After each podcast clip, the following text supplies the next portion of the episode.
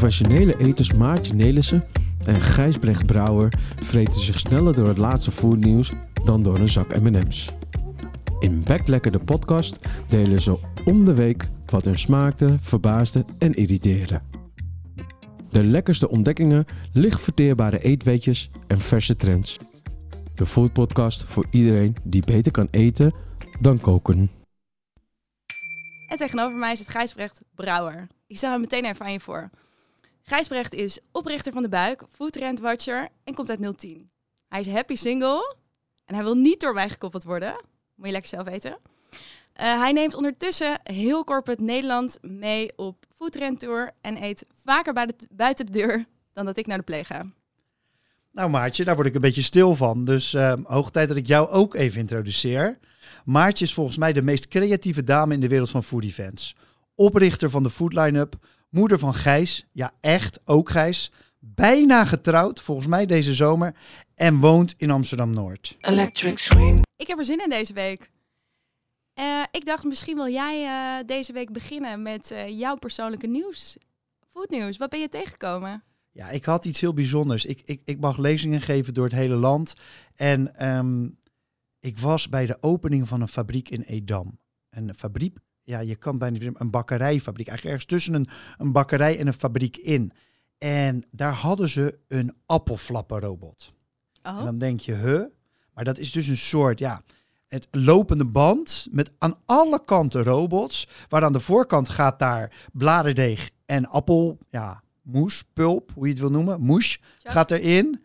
En aan de achterkant komen er gewoon uh, appelflappen uit, die dan bijvoorbeeld naar de Appie gaan of naar de Jumbo gaan. En die moeten dan nog wel in de Appie of in de Jumbo afgebakken worden. Maar ze zien er dus na afloop al uit als die driehoekjes uh, zoals appelflappen eruit zien. En ergens, dus het gaat erin, het wordt in zo'n grote plaat, dan wordt het gesneden in stukjes. Dan wordt het, die appelmoes erop gespoten op plop. Maar dat gaat dan 16 keer tegelijk, want het zijn natuurlijk 16 appelflapjes. Dan wordt die 16 keer tegelijk omgevouwen. Dan gaan ze door een soort van uh, sproeiding, dat er allemaal suikertjes overheen komen. Dan worden ze bevroren, dan worden ze ingepakt. Dan leest dus een of ander apparaat hoeveel van die appelflapjes er in een doos liggen. Dan wordt het nog een keer gewogen. Dan wordt het afgetaped. Ondertussen, en, ondertussen zie ik hele wilde handbewegingen hierbij zo. Ja, nee, het is, het is vooral die robots. Het is een soort van heel slim schieten er dus allerlei armen heen en weer om die, om die, die flapjes te flappen. Om die hoeveel, hoeveel robots zijn er dan? Is het dan één hele grote? Het is, ja, ik zie het als één, één hele grote robot die misschien wel vijf, bijna half voetbalveld lang is. Gaat ook nog eens een keer ergens de bocht om. Het is dus ergens. Het, het, en langs die ro grote robot staan dus allerlei armen die dingen doen. Die, maar vroeger hadden ze dus letterlijk 10, 15 mensen aan diezelfde lopende band staan. Die dus handmatig dan zo'n flapje omvieuwen. En nu is dat dus zo'n robot die tjuk, tjuk, tjuk doet. En dan is het gedaan. Dus er staan nu nog twee of drie mensen die hetzelfde, eigenlijk hetzelfde resultaat bereiken. Ja, wel dus, cool. Ja, Wat ging jij daar doen dan? Ja, ik moest een lezing geven bij de opening Ah. en vertellen over hoe de toekomst van de bakkerijwereld eruit zag. Ja, ik verbaas me dus altijd best wel hoe weinig robots we nog zien uh, in Nederland qua eten. Want jij had het laatst ook over een cocktailbar in Groningen die een robotarm heeft om in die bar de hele hoge flessen te pakken. Ja, wat je ziet natuurlijk vooral in de horeca is dat het nog een beetje gimmick is. Ja. Um, heb je wel van die, van die bezorgen, die dus de uitlever runners, zeg maar, maar dan, Ja. uh, dan robots. Maar in de industrie is het al, is, is bijna alles, en ook in de, en de voedingsindustrie is, is eigenlijk alles al geautomatiseerd. Dus, maar zo'n, het is alleen, je weet het niet, je ziet het nooit. En daarom vond ik het zo geweldig om het een keer gewoon live te zien. Gewoon langs al die apparaten te lopen en een soort van, oké, sommige dingen zijn ook afgezet, dat je niet ineens zo'n arm voor je, voor je kanus krijgt, zeg maar. Dus eh, nee, ik vond dat echt, eh, ja, dat was voor mij echt super indrukwekkend. Nice, snap ik. En jij dan? Nou ja, ik, ben, ik kom dus net terug uit Sicilië. Twee weken op vakantie geweest daar. En eh, ik heb echt nog nooit zoveel ijsjes gegeten als deze twee weken. Ik zou dus zeggen, ik ben eigenlijk niet zo'n mega ijseter.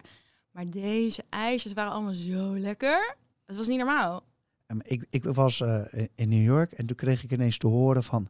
Ja, Italiaans ijs, dat moeten helemaal geen bollen zijn. Eerst begreep ik het niet Ja, zo, maar kan ja. je... Hoe?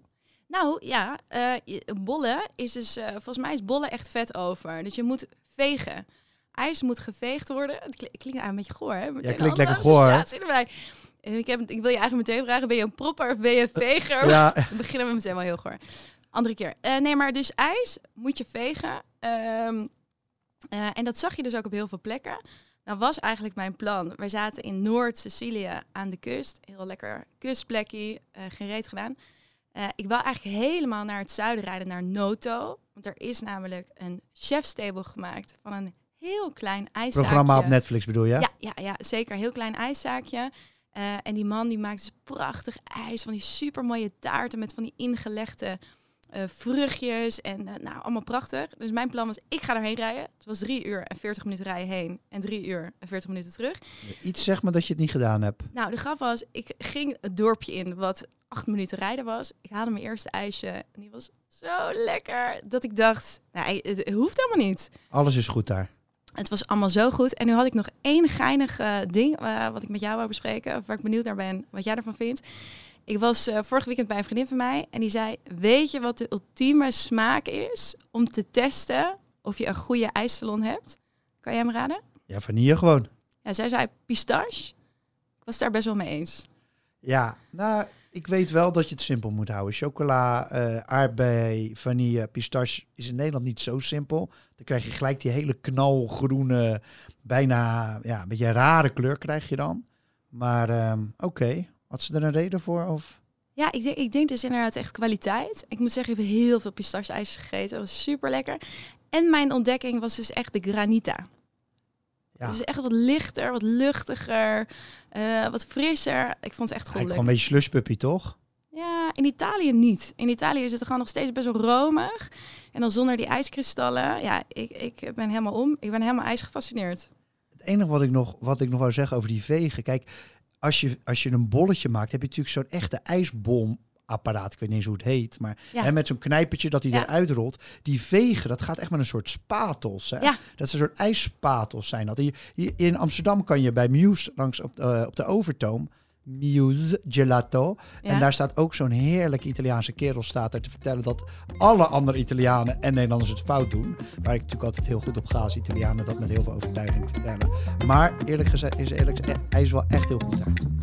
Hm, goeie tip. Hey, we gaan snel door, want...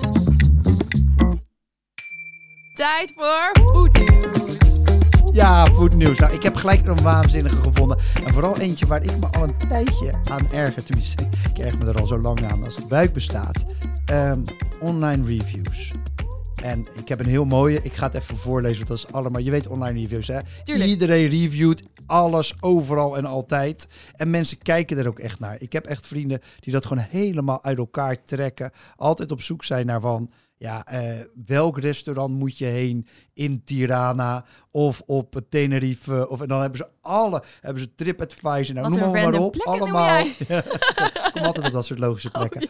Ja, eh, maar nu hebben ze dus in Amerika hebben ze eentje gevonden. De site heet Clickhole. Alleen daarom wilde ik al heel graag dit nieuws erin hebben. Ja, vertel ook even de titel alsjeblieft. Ja, dit is de titel van het artikel. So, is it fucking good or not? This restaurant is rated 3,5 on Yelp, 4,5 on Google Reviews, 2 op Seamless, 5 op Grubhub en permanently closed on TripAdvisor. Oké, wat is het nou mensen? Als ik nou naar dit restaurant toe moet, heb ik dan een 2 of een 5? Ik vind het echt... En ja, dit is gewoon het hele ellende met die hele reviews. Ik geloof er gewoon niet meer in. Wa- Kijk, jij was naar reviews? Eh, nee, oprecht nooit. Maar ik ben eh, dus wel eh, iemand die eh, blogjes gaat lezen. Eh vind ik dus ook een beetje gênant om toe te geven. Maar eh, blogjes, ja, dat, dat, van een blog. Ja, oh sorry. Nou Ja. ja, hè, eh, dat. Ehm, eh, mijn vriend verloofde, eh, die doet dat dus wel. Dus die gaat dan allemaal, allemaal reviews door. Ja, ik denk altijd, het ligt er ook maar net aan wie, dat, ehm, eh, wie het heeft geschreven, weet je wel. Ik heb trouwens wel echt iets heel geinigs. een tijdje geleden had ik een call met een gast. En die is dus een heel toffe nieuwe app aan het starten. Wat gaat over reviews van restaurants. Waarbij je dus kan zien eh, wie het heeft gereviewd. Dus je kunt ook actief je vrienden volgen of influencers of whatever wie je hoog hebt zitten. En dan kan je dus veel meer bedenken van... hey, eh, Gijsbrecht is daar geweest. En weet ik wat, ik weet jouw persoonlijke smaak. Ik zie dat jij deze restaurants allemaal fantastisch vindt. Eh, en je kunt daar een soort bucketlist in maken. Dat vond ik eigenlijk best wel vet. Ja, ja, het is. Ik ben heel benieuwd. Ik, ik hoor dit al tien jaar dat we de, de bron er steeds meer bij gaan zien. Je had vroeger zelfs cloud, kon je zien hoe goed iemand ergens in was. Nou ja, ik, ik geloof gewoon helemaal niet zo in het concept van reviews. Ehm, aan de andere kant hou ik ook wel weer heel erg van gewoon ergens langslopen in de straat. En dan kijk, oh, dit ziet er wel vet uit. En dan kan je natuurlijk ook heel erg bedrogen uitkomen. Dus ik denk dat je ergens het midden tussen, tussen al die dingen moet, moet houden. En ik vind zelf blogs en ook Instagram eigenlijk best wel handig om gewoon een beetje een beeld te krijgen van de zaak. Zeker, maar jij zegt wel van, hè, ik vind reviews, ik heb daar niet zoveel mee. Maar voor restaurateurs is het natuurlijk echt super belangrijk. Ik sprak toevallig laatst met vrienden van Bout. Restaurant Bout, uh, twee mooie zaken in, uh, in Amsterdam. En die zeggen, ja, voor ons is het echt super belangrijk. En we vinden het ook gewoon een toffe methode om te testen van... Um, ja, was het een goede avond? Hè? Wat kan er beter? Uh, en wat ik dus heel geinig vond om van hun te horen, is dat zij zeiden... Iedereen die onder de zeven geeft, elke gast dan ook, wordt persoonlijk gebeld door de restaurantmanager. Ja, hier ben ik echt dol op. En kijk, restaurants, uh, en ook, zeker ook hotels en andere dingen die gereviewd worden. Ik bedoel, de Cool Blues en Bob.com van deze wereld natuurlijk veel meer. Maar worden steeds meer data gedreven. En er is natuurlijk relatief weinig data over hoe lekker een maaltijd was. Dus die reviews, er wordt steeds meer software gemaakt om mensen ook echt uit te nodigen om te reviewen. Dus daarom, als jij dan ergens gewoon een, een, een, uh, een kopje koffie hebt gedronken met een koekje erbij, krijg je de volgende dag een mail thuis van wat vond je van onze kopje koffie? Want dat, ze hebben die data nodig. Daar wordt op gestuurd, zoals jouw vrienden van Bout inderdaad ook al zeiden. Um, ja, ik vind het een. Um, het, het, is, het is. We zijn er nog niet. Het is voor mij. Het, ja, het is net als democratie. We hebben niet zoveel beters, maar we moeten het er maar even mee doen. Um, maar ik zou zeggen, ja, ik, ik hou er niet zo aan vast. Ik heb wel nog een heel leuk voetnieuws itemtje voor jou. En niet zozeer een ergernis in dit geval, maar wel wat de fuck opmerkelijk is dit. Wist jij dat er bijna voor 20.000 euro kaas gestolen is in Feyenaard? Dat ik meen las, je niet. Ja, nee, ik las uh, uh, BN De Stem. Ja, je kent, je kent de krant wel. Tuurlijk. Ja, 161 kazen gestolen in Feyenaard. We hebben het over meer dan 20.000 euro. Een bizarre inbraak bij kaasmakerij Torenpolderkaas in Feyenaard. Daar zijn maar liefst 161 kazen gestolen. Waar haal je het gore lef vandaan, zegt de eigenaar. Ja, ik vind het, nou ja, ik, ik heb voorbij zien komen. Ik vond het vooral heel erg sneu voor die kaasmakers. En, en waar ik dus zo benieuwd naar ben, wat moet je er in godsnaam mee? Hoe ga je dat vermarkten? Het lijkt me al ingewikkeld om een fiets te verkopen, eerlijk gezegd. Maar oh, 20.000 euro aan. je komt Twitter de Witstraat, toch? Ja. ja. maar ja, 20.000 euro aan kaas kopen, ja, dan moet je toch al een, een opkoper hebben of zo. Ja. En dat kan volgens mij ook niet echt in Nederland. Um, ja, het is, ja ik, ik ben er niet helemaal, uh, ik ben er niet helemaal uit wat, wat we hier nou van moeten vinden. Ik denk, zou jij gestolen, zou je gestolen kaas herkennen? Nee, ja, hoe in godsnaam? Maar ik, ik moet dus wel zeggen dat, stel je voor dat iemand zo heel dodgy, een super speciale kaas dan aanbiedt vanuit zo'n binnenzak. Ja, ik weet, ik zou wel geïntegreerd zijn, maar ja. Dat iemand uh, gewoon zo'n zo'n jas zo, opentrekt, zo, aan twee kanten, dat je zo een stukje kaas hebt. Nee, nee, lijkt me heel spooky. You want cheese? You want cheese? Yes. Uh, in dat kader kwam jij tegen dat er een Nederlands bedrijf Italiaanse kazen beveiligt. Dat vond ik eerlijk gezegd nog veel opmerkelijker. Ja, dit moet ik ook echt even voorlezen, want hier, dit ga ik anders echt niet. Dus dus de Consortio della Parmigiano di Reggiano has formed a partnership with the Dutch-French, daar zijn we, kaasmerk Matek and the US-based P-Chip Corporation to launch a line of food safe and secure traceability digital labels for its Parmigiano Reggiano cheese wheels. Nou, cheese wheels zijn natuurlijk grote kazen. Ja. Wat gaan ze nou doen? Ik heb het echt geprobeerd te snappen. Ik snap er echt helemaal ja, ik, ik dacht, misschien ligt het echt aan mij. Nou, ik, wat ze dus gaan doen, ik, ik, zal ik het nog even proberen voor te lezen?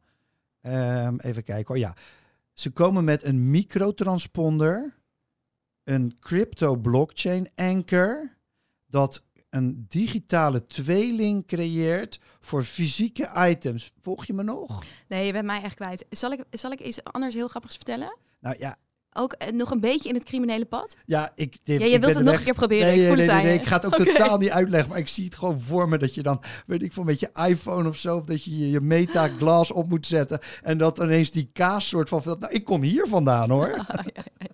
Nou ja, misschien had dat bedrijf in Feyenoord, eh, moeten zij... eh, Ja, zij moeten deze ook gewoon Deze hebben voor hun, kazen, voor hun kazen. Ja. Ja. Nou, laatste criminele voetnieuws en dan eh, gaan, we, gaan we proeven. Ehm, er is kort geleden een man gearresteerd in Berlijn voor het gooien van een deuner kebab naar een security guard. Nou, eh, hè, is dat nou heel opmerkelijk? Levensgevaarlijk. Eh, levensgevaarlijk, dat zeker. Wat is nou de grap eraan? Er is een foto van genomen als politiebewijs. Eh, en, dat, en, en dus echt gewoon, als je dus even denkt aan hè, high school, eh, feel good film. iemand komt in de bak en heeft dan zo'n foto gemaakt. Dat dus, van een deuner. Een mugshot. Een mugshot, ja, tuurlijk, dat. En wat ik me dus de hele tijd afvraag... Zou nou iemand stiekem een hapje hebben genomen? Want die deuner, ja, ik eet Ik geen er vlees, nu ziet er vet kijken. lekker Maar het uit. ziet er echt waanzinnig uit. Sowieso zijn uit. de, zijn de kebabs in eh, de deuner kebabs in Berlijn de lekkerste van de Ja. hele wereld. Ja. En deze ziet er gewoon zo goed uit. Precies goed afgebakken broodje. Die stukjes vlees met de juiste hoeveelheid saus erop. Salade erbij. Ik krijg er zo ontzettend trek van. Als ik op dat politiebureau zou werken. Ja, eh, ik weet niet of, of misschien zit hij wel in de, in, de, in de kluis bij de drugs. Of bij het geld. Ik weet het niet. Want anders gaat dit sowieso op. Het kan maar niet anders. Het, geinige is ook dat er op de foto staat er een lineaal bij met een logo van de Bundespolizei. Eh, en dus eh, kan je 18 heel goed zien. centimeter lang. 18 centimeter. Goede dun. lengte. Goede lengte. Precies. Eh, genoeg voetnieuws eh voor deze week, want wij gaan door naar Kermis in je bek. Lekker proeven.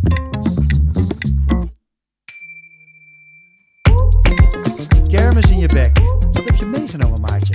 Speciaal voor jou heb ik alleen maar plantaardige melk meegenomen. En dat komt omdat mijn favoriete koffiebar in Amsterdam-Noord is onlangs helemaal plantaardig gegaan. Eh, en toen was ik daar laatst met iemand die zei, ja, ik hou eigenlijk gewoon niet zo van al die plantaardige melk. En toen zeiden de vetlieve eigenaren van Liever Hier, zo heet het daar, en je bent ook altijd echt liever daar, die zeiden dus van, eh, nou, dan raden we de huismelk aan. En dat was een erwtenmelk. Dus ik dacht, jij en ik, laten wij ook een huismelk gaan kiezen.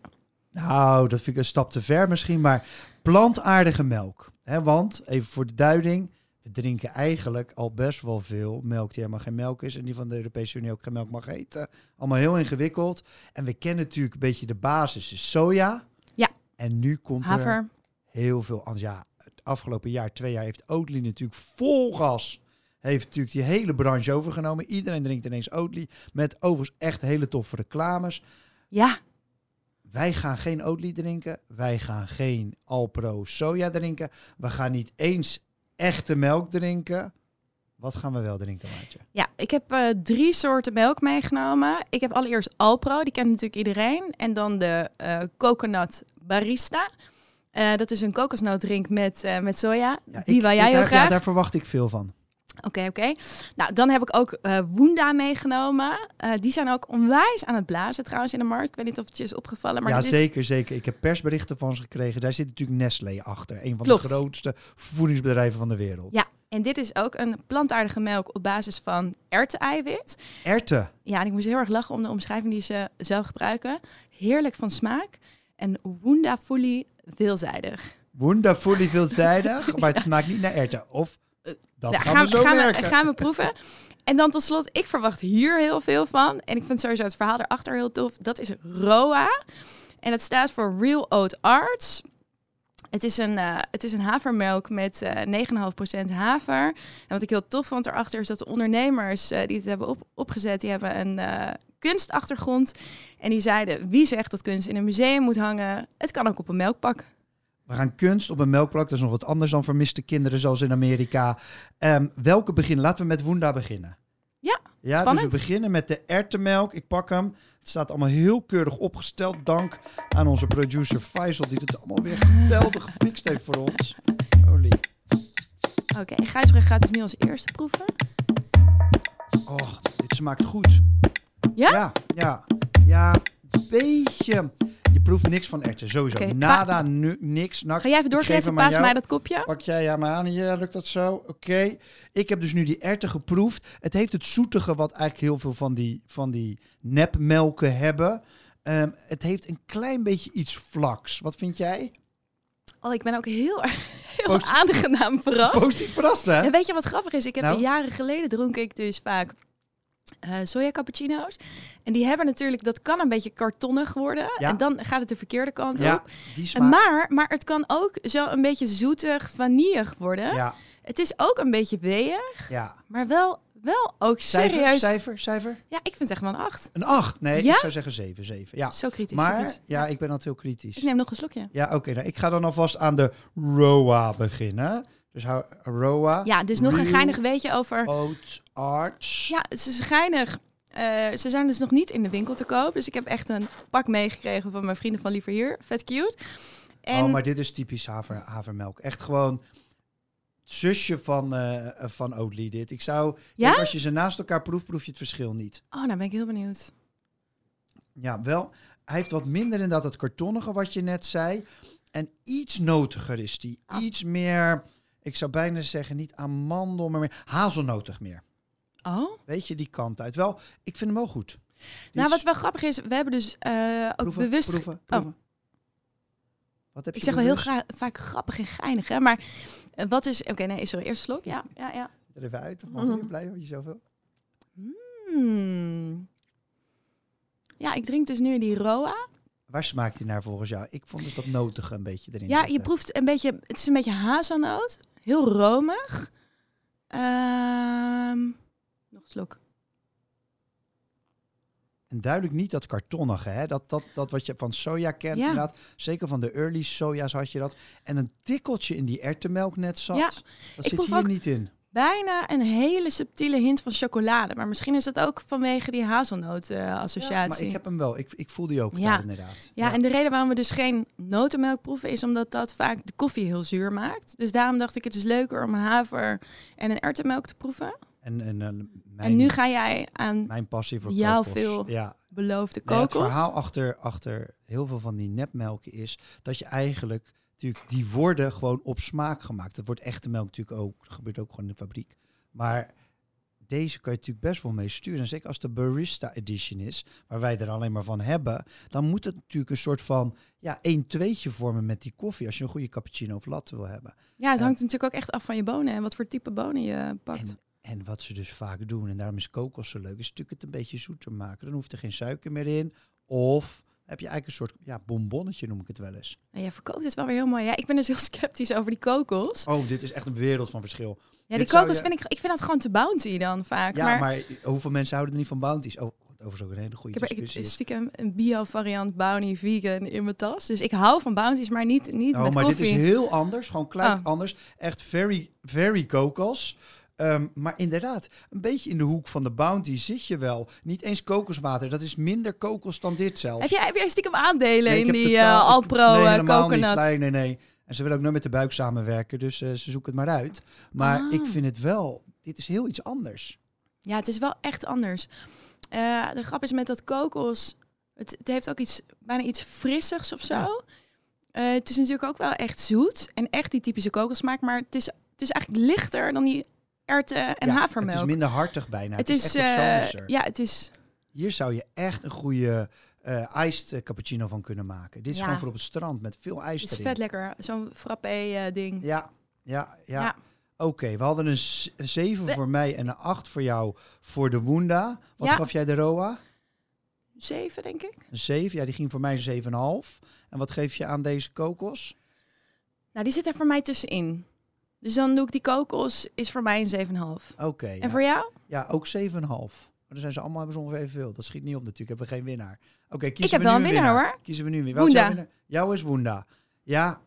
Nee, bij mij dan... ehm, ja, ah, ja, nee, niet, nee, niet Woenda. Ik zou zeggen, voor mij is de winnaar Roa of eh, Alpro. En dat zou een beetje van mijn bui afhangen. Dus als ik een zomerse bui heb, was het, was het Alpro. En met kokos natuurlijk dan. Hè. Heel belangrijk die Ja, kokos. ik en, en, en gewoon meer 's ochtends wakker worden, zou ik voor Roa gaan. Nou, top. hey, over twee weken zitten we weer hier. Waar kijk jij naar uit? Weet jij wat Tribeca is? Ehm, ja. Het is een heel, eh, heel goed restaurant. Ja, ja, ja, het is natuurlijk ook eh, Triangle Below Canal Street in, eh, in New York, maar daar is naar vernoemd. Oh ja. Ehm, heel goed restaurant in, Bra- in Brabant. Ik ga twee sterren eten. En dat doe ik, ondanks al mijn eetavonturen, best weinig. En ik zit ook nog eens een keer aan tafel in de keuken bij de chef Jan Sobecki. Dus daar kijk ik enorm naar uit. Oeh, dat snap ik, ja. En Nice. jij? Nou, ik eh, stap over twee dagen in het vliegtuig naar Dubrovnik in Kroatië. En eh, in het kader van geen reviews lezen, wel blogjes, vond ik eh, een blogje met 15 gerechten die je eigenlijk echt moet eten daar. Eentje heette dus Dirty Macaroni. Vond ik echt heel sexy klinken. Er zitten wel drie soorten vlees in, dus dat eet ik eigenlijk niet. En de laatste, Deze, omdat maar het toch, dirty is. weet mag je het wel. wel, Ja, ja, misschien. Ik ga met zes vriendinnen ook nog eens. Dus er gaat vast iemand van hen dat bestellen. En er is een soort heel spannend toetje, wat een mix is tussen een flan en een crème brûlée met eh rozenlikeur. En ik vind dus echt, heel veel mensen zijn altijd heel sceptisch over alles met rozensmaak. Ik vind dat vet chill. Hey, dit was eh, aflevering 1 alweer van Back Lekker de podcast. Eh, wij nemen dit op bij onze vrienden van Bunk in Amsterdam-Noord met onze fantastische producer Faisal. En deze hele lekkere tunes tussendoor, die zijn van Gold Kimono. Ja, over twee weken zijn we weer terug. Hebben we weer nieuw foodnieuws voor jullie. Dus eh, tot snel weer. En als jij nog tof nieuws van ons hebt, laat het ons vooral weten. We zien jullie weer.